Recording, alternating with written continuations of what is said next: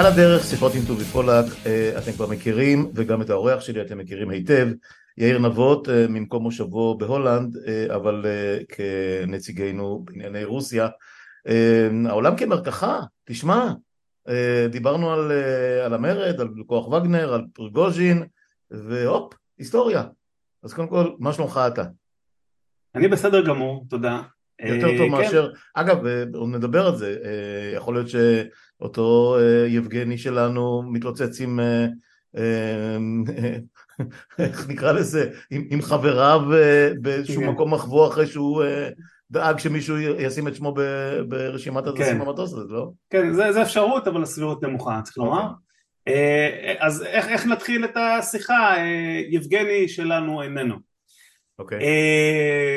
תראה, אנחנו במידה רבה צופים במשהו שרבים חשבו שהוא הולך לקרות והרבה מאוד אנשים באמת חשבו שיבגני פריגוז'ין מאז אותו מרד בדיוק חודשיים, בדיוק לפני חודשיים מהיום חי על זמן שאול כיוון שהוא הוביל את אה, אותם שכירי חרב שניסו אה, בעצם אה, לנוע לכיוון מוסקבה, בעצם נעו לכיוון מוסקבה בכוחות חמושים, בשיירה ותוך כדי גם הפילו אה, כלי טיס של חיל האוויר הרוסי והרבה מאוד אנשים אה, אה, תהו איך יכול להיות שהוא עדיין בחיים, איך יכול להיות שפוטין בעצם ויתר לו?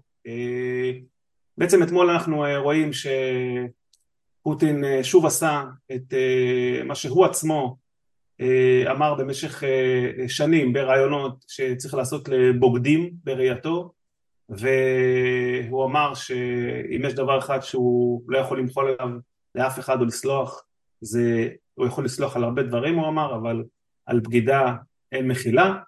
וככה בעצם הגענו לאן שהגענו בנקודת הזמן אז רק נגיד שהחדשות הם למי שהיה מנותק ביממה האחרונה אתמול בערב התבשרנו שמטוס פרטי, מטוס קטן התרסק סמוך למוסקבה ועל פי עדויות המטוס ששייך לכוח וגנר, ועל פי הרישומים אה, יבגני פרגוז'ין אה, שהוא מפקד כוח וגנר היה על המטוס הזה. בהתחלה עוד היה כמה אה, שמועות או לא שמועות שזה הטעיה שהוא נמצא שיש עוד מטוס אחד כנראה שהיה עוד מטוס אחד שבסוף היה, הוא היה עוד מטוס אחד כן, כן, שאולי הוא לא היה במטוס שהופצץ, אולי זה היה חלק מאיזשהו תרגיל, אבל אתה אומר שכמו שזה נראה כרגע הוא אכן חוסל. כן, אז ננסה לתאר בדיוק אה, בעצם אה, ככה מה קרה.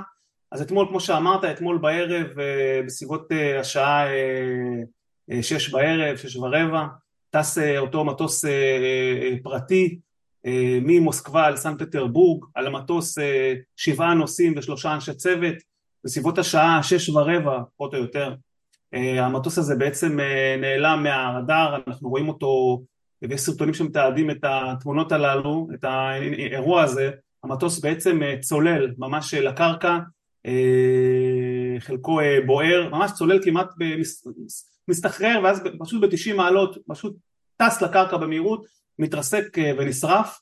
ועל המטוס הזה היו כמו שאמרתי שבעה נוסעים ושלושה אנשי צוות, ברישומים של מי שהיה על טיסה מופיע שמו של אה, יבגני פריגוז'ין, מופיע שם אה, גם אה, עוד שמות של בכירי וגנר אחרים, בהם דימיטרי אוטקין, מי שבעצם ייסד את וגנר והעניק לה את השם וגנר בגלל הערצתו למלחין הגרמני.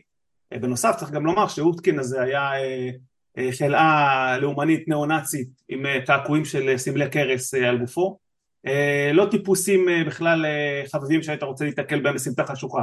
אבל לעניין שלנו, המטוס הזה פשוט אה, אה, אה, נופל, רשות שדות התעופה הפדרלית של רוסיה בעצם היא זאת שאומרת זמן קצר לאחר ההתרסקות ששמו של פריגוז'ין היה גם ברשימת הנוסעים. אנחנו שומעים מאוחר יותר אתמול בערב מהתקשורת הרוסית שוב אישורים לזה שהוא אכן היה על הטיסה הזאת אבל אין לנו עדיין וגם כרגע אין לי עדיין את החותמת הסופית סופית שגופתו אכן זוהתה ושזהו ולכן, לכן עוד קצת צריך להמתין סופית, אני רוצה גם לסייג ולהזכיר שבשנת 2019 אותו יבגני פריגוז'ין, שוב פורסם breaking news שהוא נהרג בהתרסקות מטוס תובלה בקונגו באפריקה, שם הוא פעל יחד עם שכירי החרב שלו של וגנר, וגם זה עורר הרבה מאוד עניין, הוא היה ברשימת הנוסעים, הייתה הסברה שהוא אכן נהרג אז, רק שאחרי כמה שעות הוא פשוט צץ לגמרי חי, ולכן זה גרם וגורם גם עכשיו עדיין לזהירות, אבל אני חושב שאפשר ככל הנראה לקבוע בכל זאת שהפעם בשל המאורעות, בשל מה שקרה ובשל התמונה הרחבה תהיה סבירות גבוהה שהוא אכן נהרג.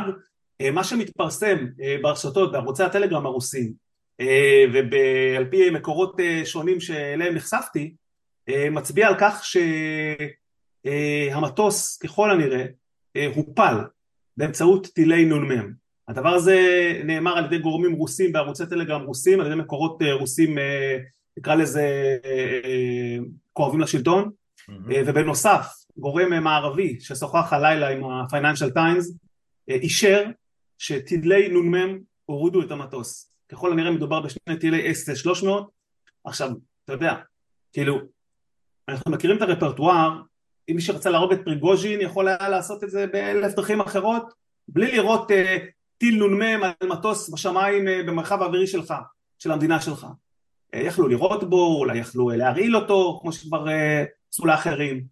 וזה מעלה תהיות, uh, למה בעצם הורידו את המטוס? ופה אנחנו צריכים לחזור בדיוק חודשיים אחורה מהיום, אל אותו יום שבו שכירי החרב של וגנר, ואנחנו אז דיברנו בפודקאסט חירום, mm-hmm. הובילו את הכוחות החמושים מרוסטוב על אדון בדרום רוסיה לכיוון מוסקבה, כמה מאות קילומטר צפונה, באותה דרך, באותו אה, יום, אה, שכירי החרב הללו אה, שיגרו טילים לעבר מסוקים של חיל האוויר הרוסי ומטוס לוחמה אלקטרונית, מטוס ביון רוסי שטסו באזור, הפילו אותם, גרמו למותם בסך הכל של בערך 15 חיילים, קצינים ואנשי צוות אוויר רוסים רק באותם שעות.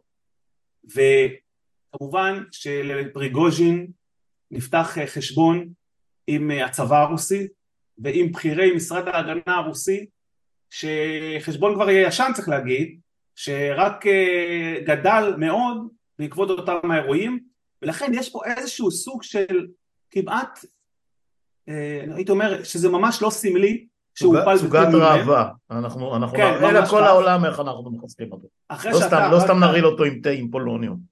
אחרי שאתה אה, ושכירי החרב שלך הפלתם אה, לצבא הרוסי מטוסים, מסוקים ומטוס וגרמתם למותם של אנשי צוות אוויר, אתה תיפול גם באוויר.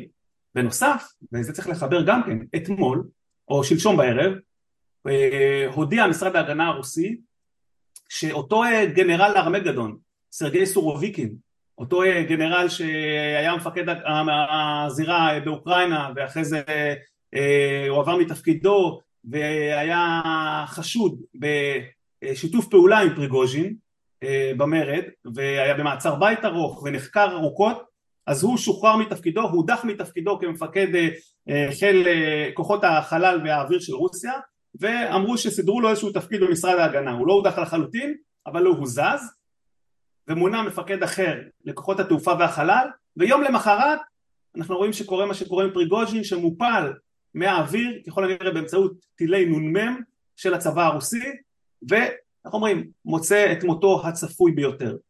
והכל מתחבר פה. זה מה, ש, זה מה שאני חושב שחשוב להעביר אה, למאזינים שלנו. כן, הסיפור הזה אה, של אה, מטוסים ברוסיה הוא עניין כאוב. מעבר ל...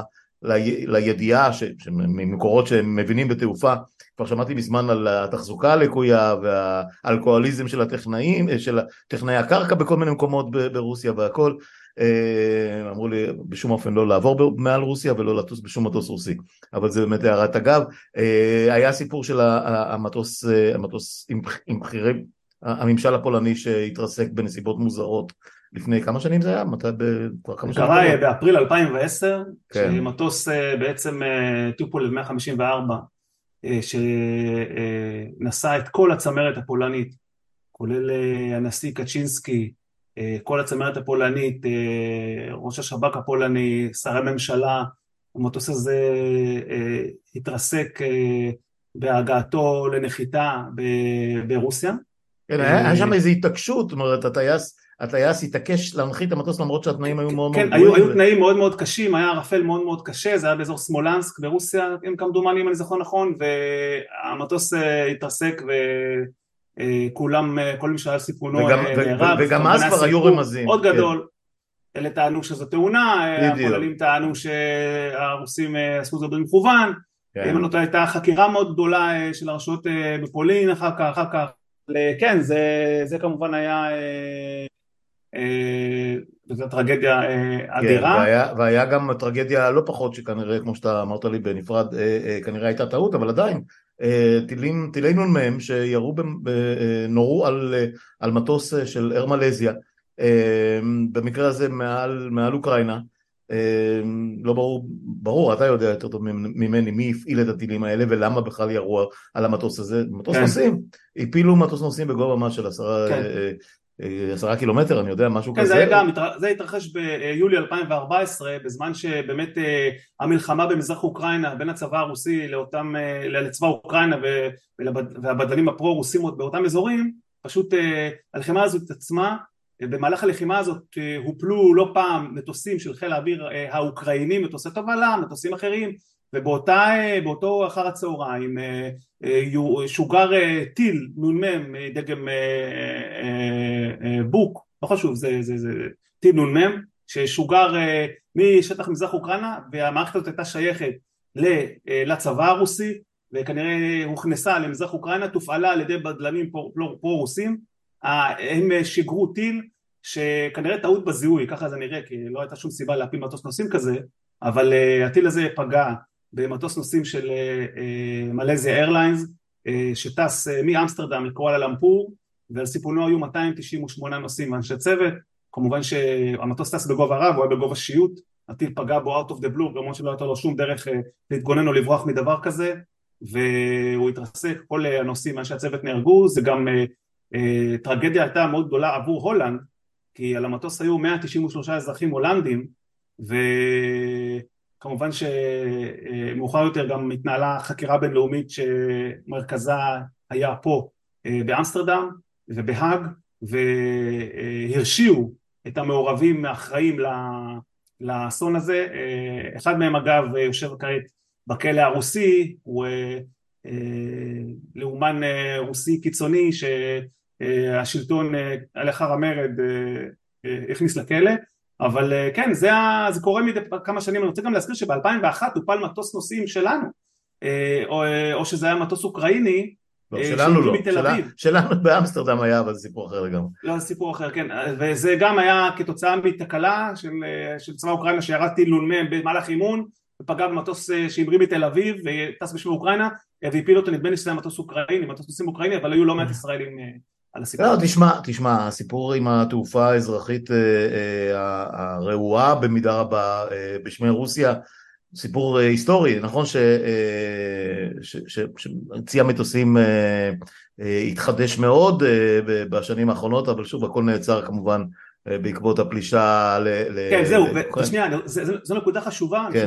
הניסיון שלי, הרבה שנות מגורים ברוסיה, עוד לפני המלחמה, הרחבת המלחמה באוקראינה, טסתי המון המון אה, בכל העולם עם אירופלוט כן. אז, ואירופלוט היו אז אחת החברות אה, הכי נוחות וטובות בעולם. כן, היה להם הרבה, הרבה דולרים והם קנו צי של מטוסים חדישים לחלוטין. הם קנו מטוסים מערביים לחלוטין, כן. רמת השירות הייתה מאוד גבוהה, כן. אה, אבל אה, כמובן שבאופן באופן, באופן טבעי, מהרגע שהורחבה הפלישה לאוקראינה והחלו סנקציות, אה, כמובן שהחברה הידרדרה, אה, היכולת לתחזק את המטוסים האלה אה, קטנה באופן דרמטי כי אין חלקי חילוף, כן. אין אה, האנגרים עם אה, ציוד מתאים ויש לזה כמובן השלכות על רמת התעופה ויש לזה כמובן, יש לזה סיכון. וכמובן שכל התעשייה שלפני אירופלוט, לפני הקשר עם בואינג שהייתה מבוססת על, על טופולבים ישנים, מטוסים ישנים, כן, אליושונים וכולי, זה לא פאר הטכנולוגיה המתקדמת, אם נהיה עדינים ויש הרבה מאוד תאונות שם, אבל נניח כרגע לדבר הזה. אוקיי, שאלה אחת שככה מסקרנת אותי, יכול להיות שדבר הזה, שדבר מהסוג הזה, או הדבר הספציפי הזה, אפרופו מה שאמרת קודם על הנקמה של הצבא, על כך שהפילו לו מטוסים, וההזזה של הגנרל אה, אה, שפיקד על אה, הכוחות באוקראינה, יכול להיות שדבר כזה קורה בלי שפוטין נתן את אוקיי? בלי שזה עבר אותו? ש, שמישהו שם החליט על דעת עצמו להפיל מטוס אולי לא ברגע הכי מתאים לפוטין? התשובה היא לא. אוקיי. התשובה היא לא, התשובה היא לא, אנחנו, תראה, אתה יודע, אנחנו לא, לא יכול לומר את זה ב-100% ודאות, כן. ודברים כן. קורים, אבל כן. על פי מיטב וניסיוני, ידיעותיי וכושר הניתוח שלי, הסבירות שדבר כזה ברמה כזאת מתרחש בלי שהנשיא פוטין אה, לכל הפחות יודע על זה, אם לא הוא שהורה על זה, היא כמעט אה, לא קיימת. אני אגיד לך למה אני אה, שואל, כי קראתי אתמול כל מיני הערכות שפרגוז'ין בעצם זה הטיה והוא לא היה על המטוס וכולי, כי פוטין צריך אותו, צריך אותו בקרן אפריקה, צריך, זה, זה חלק מהשיחה שניהלנו בפעם הקודמת, שלא התאים לו כרגע שכוח וגנר יפורק ויעלה מהמפה, כי יש לו משימות גם אם לא באוקראינה, אה, יש לו משימות אה, שמחכות לו במקומות אחרים, כמו באפריקה, אבל אולי עוד מקומות. אה, אז, אז השיקול הזה ירד מהפרק? אז קודם כל צריך לומר, אנחנו מניחים, אני מניח שאותם כוחות בממסד הרוסי, שבראשם כמובן, קודם כל, אפילו לפני פוטין, זה משרד ההגנה, שר ההגנה שויגו, הרמטכ"ל גרסימוב, אבל גם הנשיא פוטין כמובן, ככל הנראה הגיעו למסקנה שיש להם את היכולת לטפל בשכירי החרב של וגנר ולהפעיל אותם בצורות אחרות גם אם פריגוז'ין אה, יעלה מהמפה.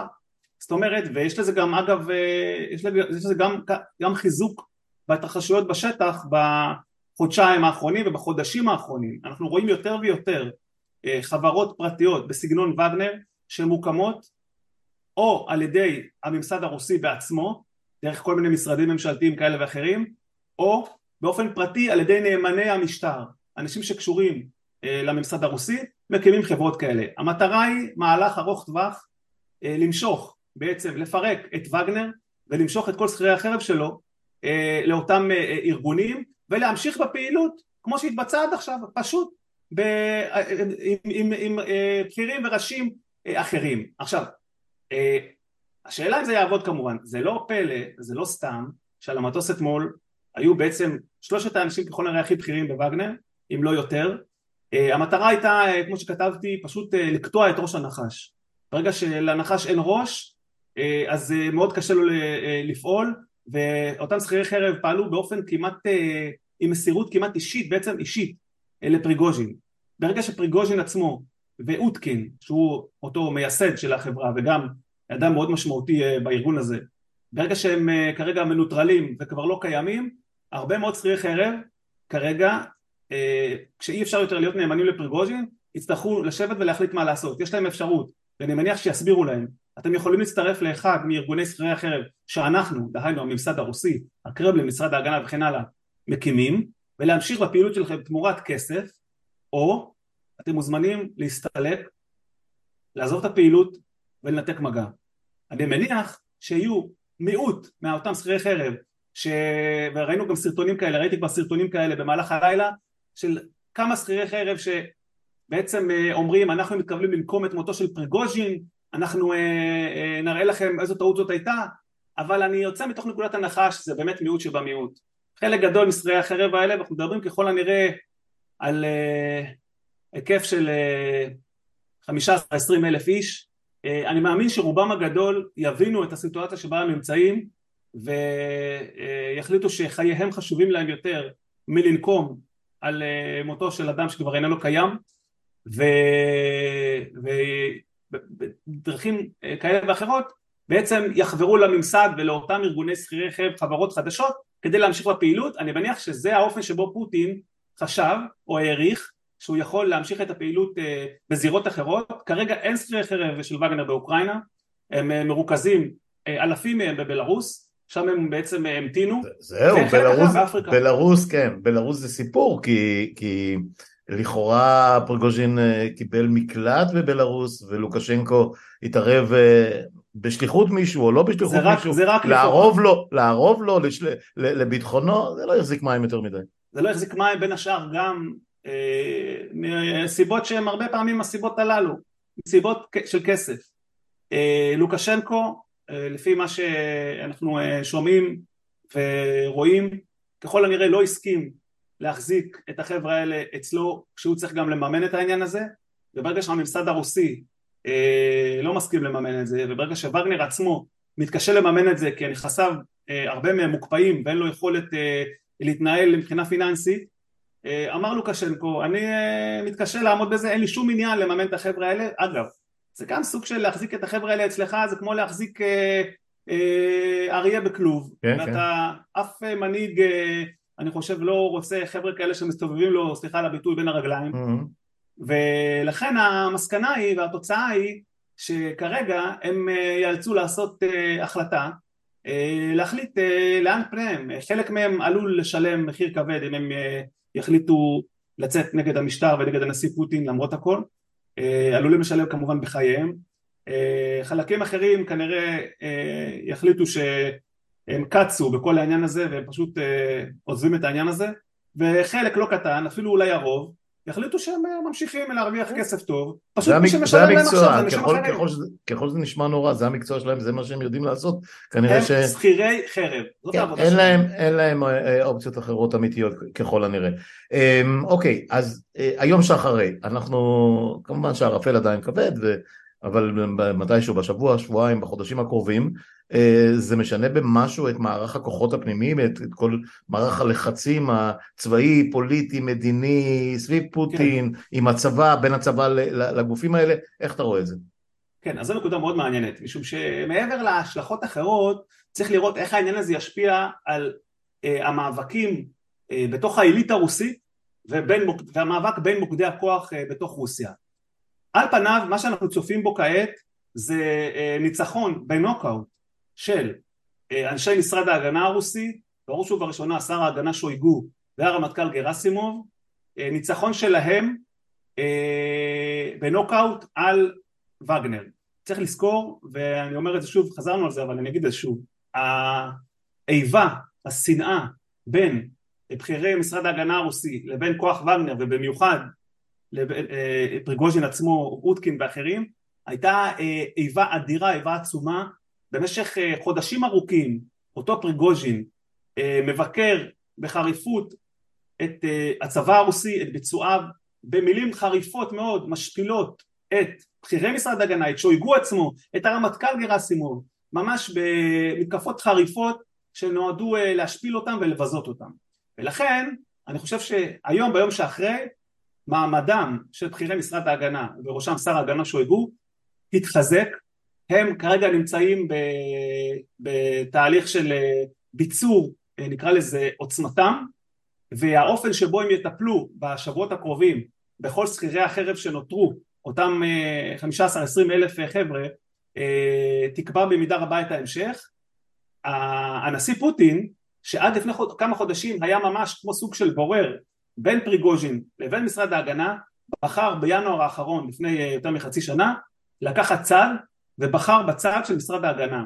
זו גם הסיבה שהוא uh, הדיח בחודש ינואר את אותו גנרל סורוביקין, uh, סרגי סורוביקין, גנרל ארמגדון, הוא הדיח אותו מפיקוד הלקוחות באוקראינה, כי זה ככל הנראה הייתה הדרישה של משרד ההגנה, במקומו מונה הרמטכ"ל הרוסי גרסימוב לפקד באופן ישיר על כל הכוחות באוקראינה.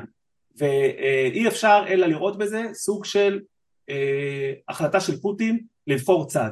עכשיו, צריך להמתין ולראות מה יהיו ההשלכות בטווח אה, היותר ארוך. החיסול הזה, ואני גם כתבתי את זה, החיסול הזה אנחנו צריכים לראות אותו אה, במושגים, במונחים של מאבקים אה, של משפחות פשע. ממש ככה. העניין החשוב ביותר עבור הנשיא פוטין הוא לעשות מהלכים למען יראו וייראו. והחיסול הזה של פריגוז'ין באופן הזה, בצורה הזאת, יום אחרי הדחתו של אותו גנרל סורוביקין מתפקיד מפקד חיל האוויר בכוחות החלל, יש לו אה, מטרה אחת, להמחיש לכולם, להזהיר את כולם, לשלוח מסר מאיים ומרתיע. כל מי שינסה למרוד בי, כל מי שיאתגר אותי באופן הזה, כל מי שיעז לנסות ולהדיח אותי באופן כזה, הוא יסיים בצורה אחת ואחת בלבד. הוא אמר את זה בראיונות בתקשורת אה, במשך השנים פוטין לא פעם שהוא מוכן למחול על הרבה דברים אבל על דבר אחד לא תהיה לו אף פעם מחילה על בגידה ובעיניו מה שפריגוז'ין עשה במהלך שלו ובפעולות שלו נגד אותם כלי טיס רוסים והפלתם היא בגידה אה, לכל דבר אז נכון שבחודשיים האחרונים היו כל מיני קולות של משא ומתן פריגוז'ין גם בסוף יוני הגיע יחד עם בכירי וגנר לקרמלין היה שם דיון זאת אומרת הייתה איזשהו, איזשהו ניסיון אולי מצד המשטר כן לבדוק לאן פני הדברים. או, או, להרד, או להרדים אותם. או להרדים אותם אבל ברגע שהבינו שפריגוז'ין מסרב לוותר על עוצמתו ועל הכוח שלו וזה בדיוק מה שנראה כי הוא עבר לאפריקה וניסה לפעול שם אה, להמשיך לפעול שם ואנחנו יודעים שאנשי משרד ההגנה היו רוצים אה, לראות אותו אה, מסולק מהדרך ולהפעיל את כל שכירי החרב הללו בעצמם. יש פה גם, צריך לומר גם שיש פה עניין פיננסי כספי אדיר. וגנר זה לא רק כוח של שכירי חרב שעושה פעולות למען רוסיה זה גם אימפריה כלכלית שאחראית על הרבה מאוד כסף, הרבה מאוד נכסים, על הברחות, אם זה באפריקה זה יהלומים ומחצבים שהם לוקחים לכיס, ואם זה באזורים אחרים, ואם זה בסוריה, ואם זה בעוד מקומות. ואחת השאלות זה, אה, מה קורה עם כל הנכסים האלה? מה קורה עם כל הכסף הזה? מה קורה עם כל המשאבים האדירים האלה היום? וגם על זה, על זה יש קרב מאוד גדול, אז אנחנו חוזרים לאותו יש אבל שדרת, של... יש שדרת, שדרת פיקוד, שדרת ניהול לווגנר הזה, אחרי שכמו שאתה אמרת, אה, חלק גדול מהבכירים אה, התרסקו, אה, יש, יש, יש שם כוחות בכירים מספיק בשביל שיילחמו על מה שנשאר להם, או מה שהם חושבים שנשאר להם? זו אחת השאלות, לווגנר יש סדרת פיקוד, אבל פיקוד בדרג בינוני פיקוד ניהול, להניח... בגלל זה אמרתי כן, ניהול. לא, לא, לא, לא, לא יוכל לעמוד מול... אז, מול, אז, אז, אז פוטין ישים את היד על הכל. זאת הייתה אחת המטרות, ולכן קטעו את ראש הנחש. זה, זה לגמרי לוקח אותי ל, ל, ל, לספרים שאני כל כך אוהב. הסרטים שלנו לס, לסנדק ול... אני. מתייחס לזה כמו עונה בסופרנו. אז זהו, אז, אז אני הלכתי לבלתי משוחדים של, אתה יודע, המרדף אחרי אל קפון, והרבה מאוד, הרבה מאוד ספרות מתח בלשית פוליטית, שאני כל כך אוהב לקרוא, נשאב לתוך הדבר הזה, ואתה אומר, וואלה, העולם הזה, העולם הזה כל כך מטורף, לא יכול להיות שזה נכון, ואז אתה פותח, אה, אה, לא פותח, אתה מקבל פוש בטלפון ואתה שומע שהורידו את ההוא עם המטוס אה, לא, תשמע, תשמע, אנחנו לא צריכים ללכת רחוק, צריך לראות איך הם מתנהלים ארגוני פשיעה, קרטלים, משפחות פשע, גדולות מבוססות ותיקות, ברגע שמתגלה בתוך הארגון, מתגלה חפרפרת, מתגלה, מתגלים בוגדים, בכל המקומות האלה, בכל הארגונים האלה, בתרבויות האלה, בארגוני פשיעה, במשפחות, במאפיה, הפתרון הוא תמיד אותו פתרון, זה פשוט מחסלים אותם. ומה שאנחנו רואים פה שקרה, זה בעצם התנהלות, אמנם ברמת מדינה, אבל כמעט אחד לאחד, התנהלות דומה. אז זה כל העניין, אתה יודע, רוסיה הרי יושב, נחשבה במשך שנים לאחת מה... פעם זה היה ארבע מעצמות, חמש מעצמות, שבע מעצמות, לא משנה, G, מה שזה לא יהיה, אה, ובסוף בסוף בסוף אנחנו מגלים שזה ארגון פשע פר אקסלנס אה, וזה לוקח אותי אולי לשאלת הסיכום של השיחה, סיכונת, ה, סיכונת החירום הזאת. אה, איך העולם הסביר, עכשיו שום דבר לא סביר בעולם הזה היום, אנחנו יודעים את זה, אבל איך העולם, נניח של האיחוד האירופי מצד אחד, ארה"ב מצד שני, אפילו סין, אם אתה רוצה, הודו וכאלה, באיזה, באיזה אופן אה, אה, מדינות מסודרות, עם מירכאות או בלי מירכאות, בכל זאת, אתה יודע, עם כל הצרות והכל, יש עדיין הבדל בין, בין, אה, בין אה, אירופה מערבית, ארה"ב וזה לרוסיה. איזה מין, איזה מין יחסים אה, בילטרליים, מולטילטרליים יכולים להתנהל מול אחד ש, שמתנהל כמו עליבאבא וארבעים השודדים, או, או, או כמו הסופרנו כמו שאמרת, או כמו אל קפון, או כמו לא יודע מה, אה, אה. איזה, קרטל סמים כלשהו במרכז אמריקה. זה, זה מטורף הדבר הזה. אתה יכול לשאול אותם לגבי אה, מדינות אחרות נוספות, העולם מלא במדינות האלה. כן, אבל אני בכוונה אמרתי רוסיה שהייתה לפחות נחשבה אחת מה, מאלה שהסדר הסדר העולמי היה חלק, היא הייתה חלק מהסדר העולמי, צריך להגיד את זה. כן, תשמע, צריך להגיד שמדינות לומדות להסתדר ולקיים יחסים עם מדינות כאלה ברמה של יחסים דיפלומטיים. הדברים האלה, הרי ההתנהלות הזאת בתוך רוסיה ובממסד הרוסי היא לא נולדה עם המלחמה באוקראינה זה הרי משהו שורשי עמוק שקיים בתרבות עוד מתקופת, אה, מתקופת הצאר זאת אומרת אה, משנות אה, האימפריה הרוסית. זה לא משהו שהוא חדש. mm-hmm. וצריך להפריד אני חושב בין מה שנעשה ברוסיה פנימה בזירה הפנימית לבין מה שנעשה ברמה הבילטרלית בין רוסיה לבין מדינות אחרות ברמת היחסים הדיפלומטיים והצורך של הממסד הרוסי לקיים יחסים תקינים עם מדינות העולם. ברור שיש נקודות שבהן זה משיק כמובן, למשל פעילות של חברות זרות ברוסיה. זה כר פורה להרבה צרות, ושמענו לא מעט סיפורים על אה, סיפורים של שוחד ועניינים כאלה ואחרים, כולל חברות הישראליות, אה, אבל מצד שני העולם אה, מלא במדינות כאלה, אם זה מדינות דיקטטוריות, אוטוריטריות, אם זה מדינות מושחתות ברחבי העולם, שמקיימות גם במקביל לזה יחסים דיפלומטיים עם שאר המדינות. זאת אומרת, זה חלק מה... זה חלק... הרי לא כל, לא כל המדינות, מדינות העולם הן דמוקרטיות לא כל, הרוב ולא לא. מושחתות. הרוב לא. טוב, לא, לא. לא אשלח, אני לא אשלח אה, אה, את המאזינים עכשיו חזרה לסדרת השיחות עם עומר דנק על, על, על הפופוליזם ו, והמשמעויות שלו, אבל נדמה לי שפה אנחנו מדברים על משהו שהוא חורג מה, מהנורמה המקולקלת של הרבה מאוד מדינות אחרות. ש, בוא נגיד ש... ש, ש מבחינת העוצמה וההיקף. כן, לא, זה אני אומר, זה, זה לגמרי מהמקפצה, הזאת, זאת אומרת, אני לא חושב שיש אני לא מצליח לזכור uh, uh, מעצמות, לפחות מאז שנגמרה מלחמת העולם השנייה, אפרופו היטלר מוסוליני ו- ו- ו- וגם סטלין, אתה יודע מה, מאז אמצע שנות החמישים, כשסטלין הלך קצת, הלך מאיתנו קצת אחרי, uh, ש- ש- שרמת עזות המצח וחוסר הבושה מתקרבות באיזושהי דרך ל- ל- ל... לא יודע, לפוטיניזם המשונה הזה, שמצד אחד, אתה יודע, חליפות, מסודר, עניינים, מחלק אותות, אה, אה, אה, ביקר בבית הלבן, ביקר בבריטניה, כולם באו אליו, לכאורה זה נראה היה כן. סוג של נורמליות, כמובן היחסים עם ישראל וכל, ה, וכל ההתלקקות הידועה, מצד שני, לא, זה, זה לוקח אותנו מאה שנה אחורה, אני, אני לא מצליח להבין את הדיסוננס הזה, באמת, אבל זה אולי זה רק... לא, לא, זה, זה דיסוננס שהוא, שהוא קיים, אמרנו את זה, זה דיסוננס שהוא קיים והוא uh, מאפיין את uh, רוסיה uh, הרבה זמן אחורה. שום דבר מהבחינה הזאת uh, לא השתנה, גם לא, שנות, גם לא בשנות התשעים, לכאורה, איך אומרים, uh, זרזיף uh, של uh, ניסיון דמוקרטי uh, במהלך uh, ההיסטוריה שגם הוא לא כל כך עלה יפה, כי מה שהגיע בסופו בעצם uh, היה שלטונה של פוטין בעקבות ה... בעקבות האי יציבות אה, ההתפרקות, ההתפרקות הכלכלית, כן. כן, כן, וזה גרם לתגובה שסייעה להעלות אה, את, את, את פוטין לשלטון אה, בשנת 2000. אז עוד פעם, אבל זה, איך אומרים, אתה יכול, עוד פעם, אפשר ללכת גם לסין.